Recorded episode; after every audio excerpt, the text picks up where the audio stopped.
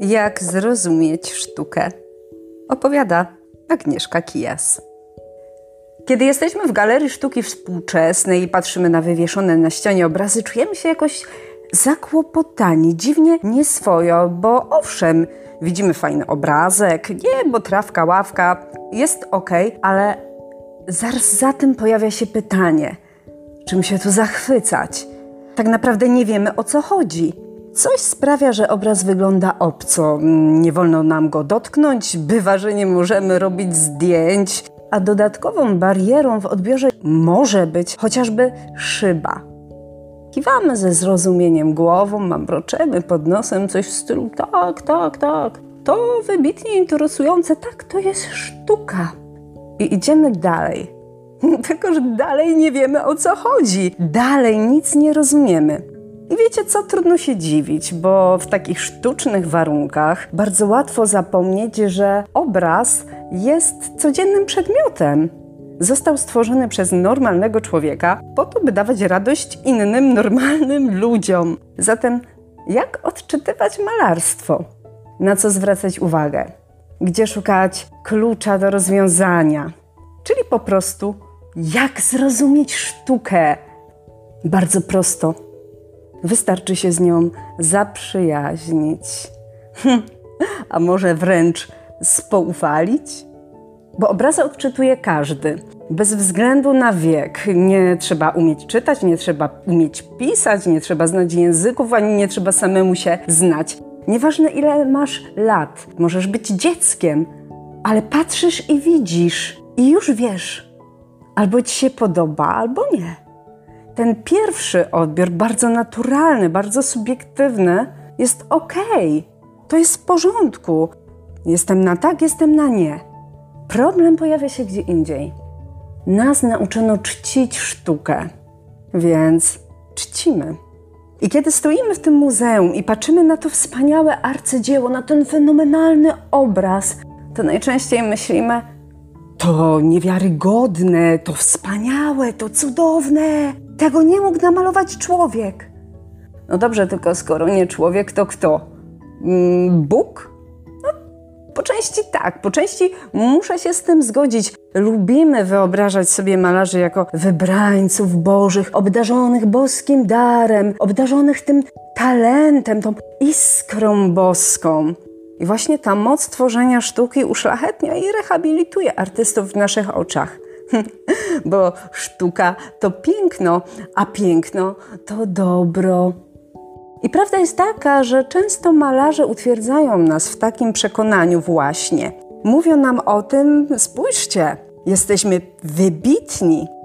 Oni lubią tak trochę pozadzierać nosa. Chociażby Salvador Dali na jednym z portretów namalował siebie stojącego wśród chmur. Ma ubraną na sobie taką szatę, koszulę, że wygląda niemal jak grecki Bóg, dosłownie Apollo wyidealizowany, piękny. Jego muskulatura, ciało, włosy, twarz bardziej przypominają modela z żurnala niż malarza. A przecież na tym właśnie portrecie Salvador Dali stoi przed sztalugą, trzyma pędzel, patrzy nam, widzą prosto w oczy, a jednak maluje, jednak dociska pędzel do płótna. Tak oto na naszych oczach zadział się cud Jesteśmy świadkami wielkiego dzieła, dzieła tworzenia. Patrzymy zatem na artystę czy na Boga. Ale artyści pokazywali siebie nie tylko jako pięknych, bo oczywiście w ślad za pięknością idzie młodość. I właśnie tak pokazuje się nam Gustave Courbet na swoim młodzieńczym autoportrecie. Widzimy tam romantycznego bohatera z rozwichrzonymi włosami, bliskiego i namacalnego, takiego tu i teraz, jakby właśnie przyglądał się w lustrze. Czujemy ten ogień w jego oczach, żar sztuki, który w nich płonie. Ach, Mimo wszystko ciężko oprzeć się wrażeniu, że już gdzieś widzieliśmy tego człowieka. Nie da się ukryć, że mnóstwo kobiet uważa, że Gustaw Courbet z tego słynnego autoportretu młodzieńczego wygląda dosłownie tak samo jak inny znany nam artysta, współczesny aktor Johnny Depp. Ja sugeruję, żeby sobie wklikać to w internecie, bo podobieństwo jest doprawdy, doprawdy uderzające. Oni musieli mieć chyba to samo DNA. Ale nie tylko tak pokazywali siebie artyści, nie tylko piękni, nie tylko młodzi, bo kiedy już im lat troszeczkę na liczniku przybyło, to mogli sobie z tym poradzić w bardzo prosty sposób. Artysta mędrzec, myśliciel, człowiek intelektu. A, wiemy, że do kogoś takiego zwrócimy się w potrzebie i uzyskamy od niego dobrą, wyważoną poradę. Cóż się dziwić, skoro z portretu, o którym mówię, patrzy na nas sam Leonardo da Vinci. Ale tuż za tym myślicielem jest też artysta, malarz, król. Spójrzcie na Rembrandta. Na jednym z autoportretów sportretował siebie w takiej złotej, bogatej szacie, mocno haftowanej, strojnej, godnej zamożnego władcy. Tak portretowali się królowie. A w chwili, gdy malował Rembrandt, żył w skrajnym ubóstwie. Niedługo zginął w rynsztoku. Ale na portrecie tego nie widać. Na portrecie jest Rembrandt król, dostojny i dumny. Niektórzy malarze szli dalej, bo skoro król, to czemu nie Chrystus król? I właśnie tak namalował siebie Dürer. Również sportretował siebie jako zbawiciela sztuki, tylko że ten portret jest jeden do jednego zaczerpnięty z wizerunku Chrystusa. Niemal słyszymy, jak Dürer mówi: Spoko, możesz się do mnie modlić. O, to było bezczelne ale niektórzy, jak choćby Vincent van Gogh, portretowali siebie nieco inaczej. Na takim jednym autoportrecie Van Gogha, no bo przecież tych e, wizerunków i jego twarzy jest tak wiele, że właściwie wydaje nam się, że moglibyśmy spotkać tego człowieka na ulicy i go rozpoznać. Ale na tym jednym, którym, o którym chcę dzisiaj powiedzieć, e, namalowanym w stylu japońskim, zresztą ten portret sprezentował Gogenowi, Van Gogh zastosował bardzo ciekawy zabieg. Nad jego głową, nad swoją głową, wymalował bowiem aureole blasku, takie centryczne okręgi. Kto to jest?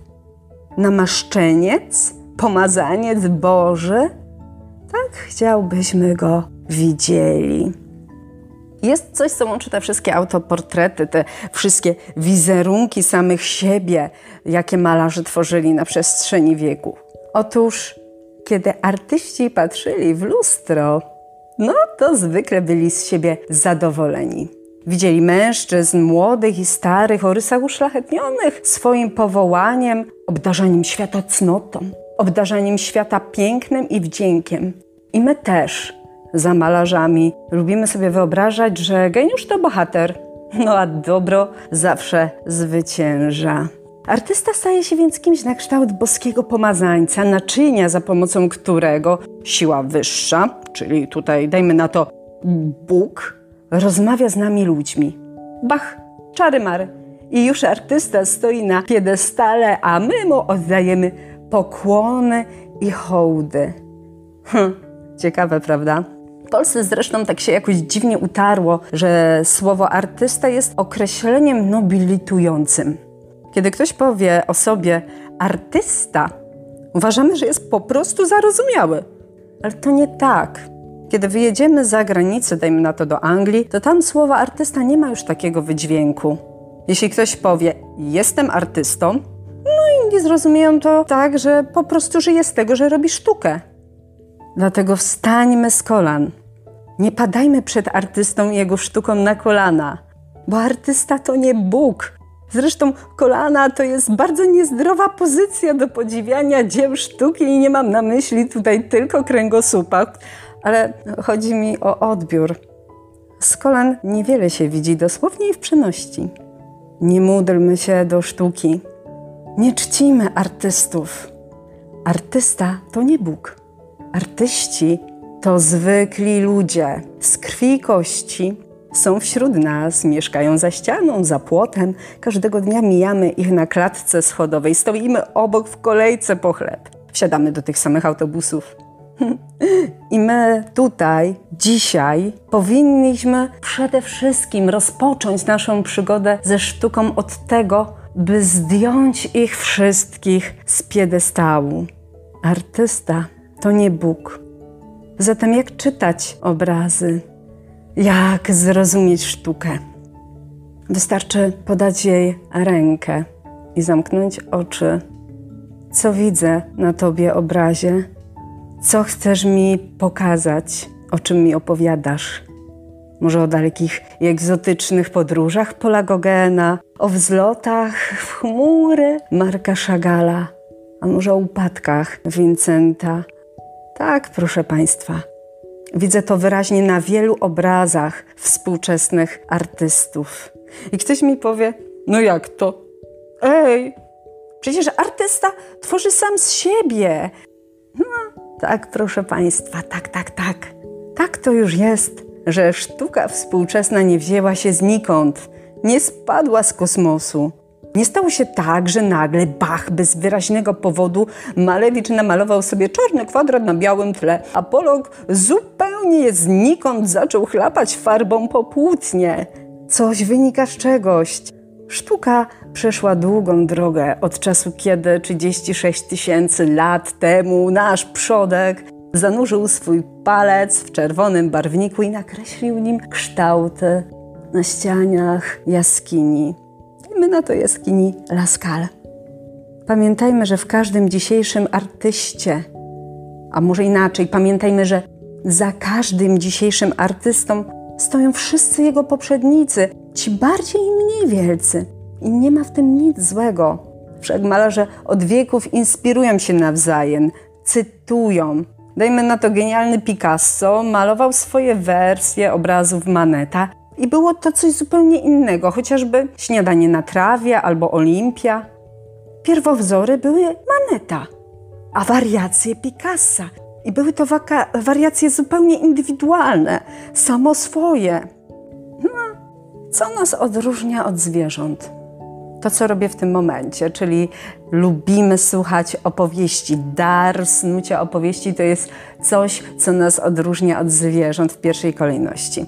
Druga rzecz to jest religia, kult religijny i wiara. A trzecia to jest właśnie możliwość tworzenia sztuki, bo coś jednak podkusiło naszego praprzodka do tego, aby zaczął tworzyć. Kiedy Pablo Picasso wszedł do jaskini Lascaux i zobaczył te wymalowane, gigantyczne byki, i przełożył to jednocześnie na swoje portrety byków, portrety, rysunki, które tworzył. One zresztą były bardzo fajne, bo polegało to na tym, że Picasso najpierw malował pełny kształt byka, normalny i bardzo realistyczny, by kolejno w kolejnych stadiach odejmować od byka wszystko to, co jest zbędne, by na samym końcu zostawić tylko kilka kresek, samą esencję byczowatości. Okazuje się, żeby być bykiem, to wystarczą tylko rogi i zarys postury. Bardzo podobną posturę zobaczył Picasso na ścianach jaskini Lascali i powiedział: Tak naprawdę niczego nie wymyśliliśmy.